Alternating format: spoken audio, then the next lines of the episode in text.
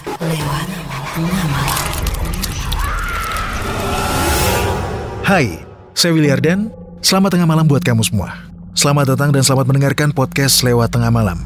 Podcast ini menghadirkan cerita dan kisah misteri mengenai pengalaman horor yang dikirimkan oleh teman tengah malam.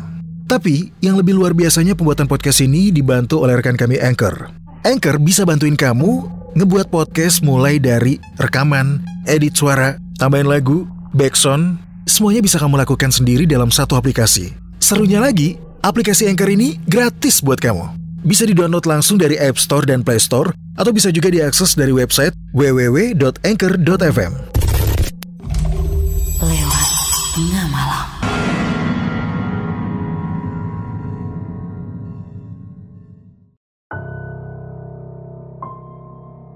Selamat tengah malam, kamu lagi mendengarkan podcast lewat tengah malam bersama saya Willy Ardan. Teman tengah malam gak terasa sekarang kita sudah ada di tahun yang baru, tahun 2022. Semoga kalian masih setia dan juga terus kasih supportnya buat podcast lewat tengah malam dengan cara mendengarkan episode terbaru setiap Selasa dan juga Sabtu. Oh ya, buat yang belum follow dan juga kasih bintang 5 buat podcast ini, kalian bisa support lewat tengah malam dengan cara follow pastinya dan juga kasih like-nya. Nah, teman tengah malam kisah horor di episode terbaru kali ini dialami oleh Dito, seorang pekerja di salah satu restoran. Pengalaman aneh yang pernah dialami saat akan mengantarkan orderan atau pesanan makanan untuk pelanggan di salah satu kompleks perumahan. Keanehan seperti apa yang dialami? Nah, kalau kamu penasaran, simak pengalaman horornya di episode 128 Orderan Gaib.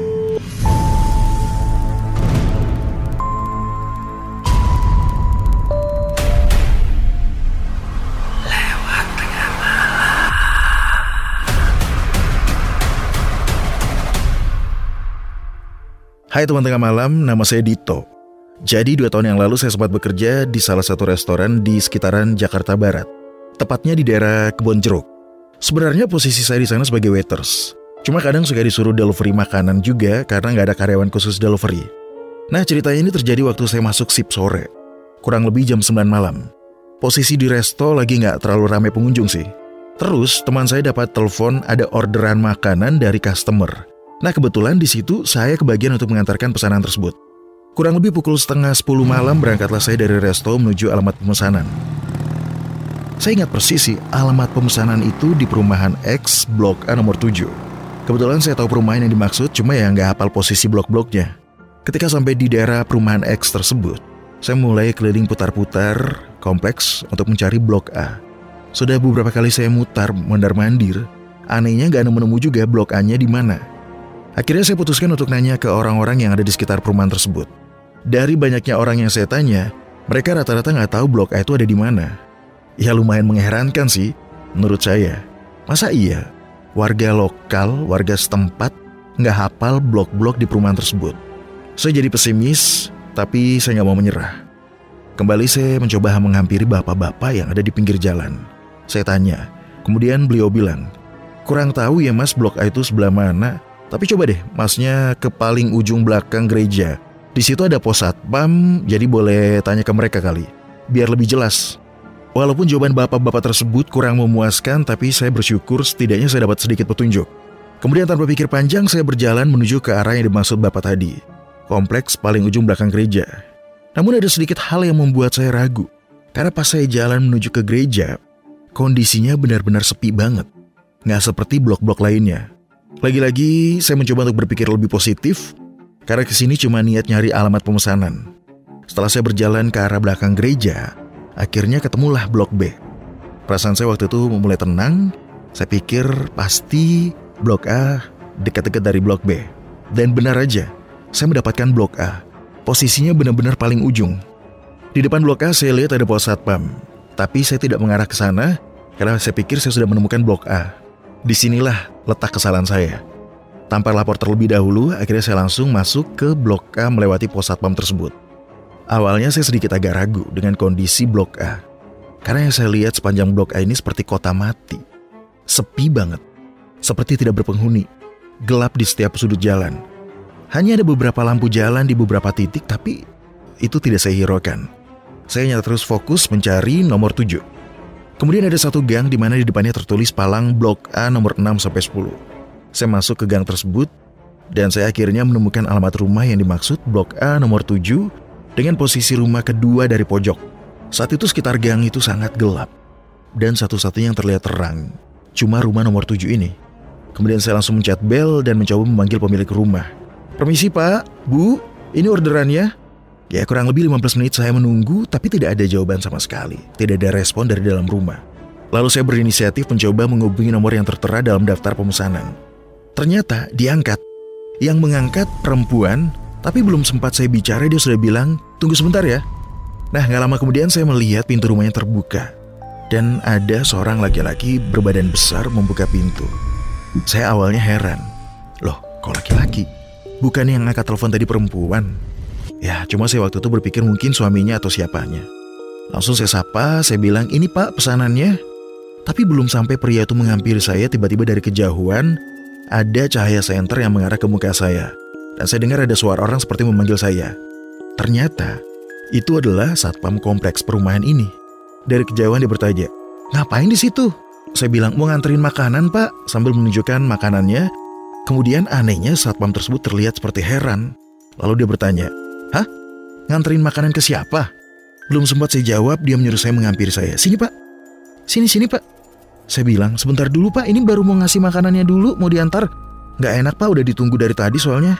Terus satpam itu terlihat memaksa saya. Sini, sini, sini. Dengan berat hati saya terpaksa menghampiri satpam tersebut, tapi sebelumnya saya berniat ingin bilang ke customernya dulu. Tapi ternyata waktu saya menoleh ke arah rumah tersebut, pintunya sudah tertutup kembali dan entah ke mana laki-laki berbadan besar yang keluar tadi. Buat teman tengah malam yang punya pengalaman horor, biar cerita kamu bisa muncul di podcast lewat tengah malam, kirim cerita kamu lewat email di willyardan13 at gmail.com. Buat kamu yang pengen bikin podcast, langsung download sekarang juga aplikasi Anchor dari App Store dan Play Store, atau bisa juga diakses dari website www.anchor.fm. Anchor bisa untuk edit dan upload podcast kamu. Dan yang paling penting, Anchor gratis buat kamu. Kemudian petugas satpam tersebut mengajak saya ke pos. Awalnya saya mikir, ngapain ya saya dibawa ke pos? Tapi saya mencoba untuk berpikir positif aja. Oh iya, tadi kan saya nggak lapor ke satpam. Waktu saya masuk blok A. Mungkin di sini prosedurnya harus lapor dulu. Sampai di pos security atau di pos satpam. Saya bertemu dengan dua orang bapak-bapak yang lagi nonton TV. Entah satpam atau bukan. Soalnya nggak pakai seragam. Baru sampai saya langsung dikasih minum air putih sebelum diinterogasi. Setelah cukup tenang, saya ditanya oleh salah seorang bapak-bapak di situ.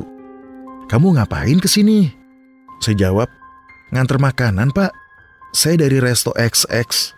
Maaf di sini saya tidak bisa menyebutkan nama restorannya. Kemudian saya ditanya lagi, yakin alamat pemesanannya di situ? Kemudian saya ditanya lagi, emangnya alamat pemesanannya di mana? Saya bilang, perumahan X Blok A nomor 7 pak, sambil menunjukkan kertas daftar pesanan. Spontan ketiga orang tersebut terlihat bingung dan bilang ke saya, Mana mungkin ada yang mesen makanan? Kamu tahu nggak? Blok A ini baru dibangun. Tidak ada penghuninya. Saya heran mendengarkan pernyataan satpam tersebut. Setelah itu terjadi tanya jawab panjang lebar. Intinya mereka nggak percaya kalau ada orang di Blok A, tempat mereka jaga, memesan makanan, bahkan mereka menjelaskan kalau perumahan ini baru dan belum berpenghuni. Akhirnya terjadi perdebatan kecil antara saya dan ketiga orang tersebut. Singkat cerita, diantarkanlah saya oleh satpam yang menjemput saya tadi. Kita jalan berdua menuju ke arah alamat tersebut. Tapi yang bikin saya heran, baru masuk gangnya, suasana terlihat sangat gelap. Padahal sebelumnya enggak. Dan lebih terkejut lagi saat saya sampai di rumah dengan alamat blok A nomor 7 yang tadi sempat saya datangi. Ternyata rumah tersebut hanyalah rumah kosong yang baru mau dibangun. Rumah yang belum utuh, sama sekali belum selesai. Bahkan kondisinya benar-benar gelap, tidak ada kehidupan sama sekali. Tapi yang membuat saya shock yang tadi saya lihat itu rumah ini memang rumah yang selayaknya ada orang yang menempati. Dan memang yang saya lihat di antara rumah blok A nomor 6 sampai 10 cuma nomor 7 yang terang dan terlihat berpenghuni. Tapi akhirnya kenapa sekarang bisa berubah sekejap? Semuanya gelap dan jelas-jelas tidak berpenghuni. Tapi saya tadi sempat menelpon si pemesan. Terus diangkat dan tidak lama ada seorang laki-laki berbadan besar keluar dari rumah. Tapi sekarang yang saya lihat hanyalah rumah kosong yang belum jadi. Mendadak saya makin merinding. Ada yang aneh dengan tempat ini. Melihat muka saya yang pucat karena syok, akhirnya satpam tersebut kembali mengajak saya ke pos. Dia mencoba untuk menenangkan saya. Nah, sesampainya saya di pos lagi, dua orang yang di dalam tersebut tidak bicara apa-apa hanya memandang saya. Ya, mungkin mereka paham apa yang terjadi pada saya. Seketika saya kembali diambilkan minum, disuruh menenangkan diri dulu. Barulah setelahnya mereka kembali bertanya-tanya kepada saya. Namun saya hanya diam dan tidak bisa menjawab pertanyaan mereka. Terus satpam yang mengantarkan saya tadi bilang, di sini memang rumah kosong. Mungkin tadi lu salah lihat. Salah satu dari mereka bilang, tapi di sini emang sering kejadian kayak gini. Sering ada yang order barang atau juga ojek online. Bedanya, kalau kamu malam-malam kejadiannya. Kalau kejadian yang lain, agak kurang wajar. Karena kejadiannya dua hari yang lalu siang-siang. Jadi ceritanya ada ojek online jemput anak kecil di sekolahan dan anak kecil ini minta diantar ke sini. Diantarkan sama tukang ojek ke salah satu alamat di kompleks ini. Pas sudah sampai anak kecil ini taunya udah nggak ada. Si sopir bingung lah. Mendengar cerita orang tersebut dalam hati saya bilang, masa iya sih bisa kayak gitu? Mana siang-siang lagi? Tapi percaya nggak percaya, saya juga baru ngalamin kejadian yang serupa. Walaupun kejadiannya berbeda, tapi saya hanya bisa diam sambil memandangi ketiga orang tersebut. Saya shock, nggak bisa ngomong apa-apa saat itu. Dan bingung harus ngejelasin gimana ke Resto. Kan gak mungkin mereka bakal percaya sama pengalaman di luar nalar yang baru saja saya alami.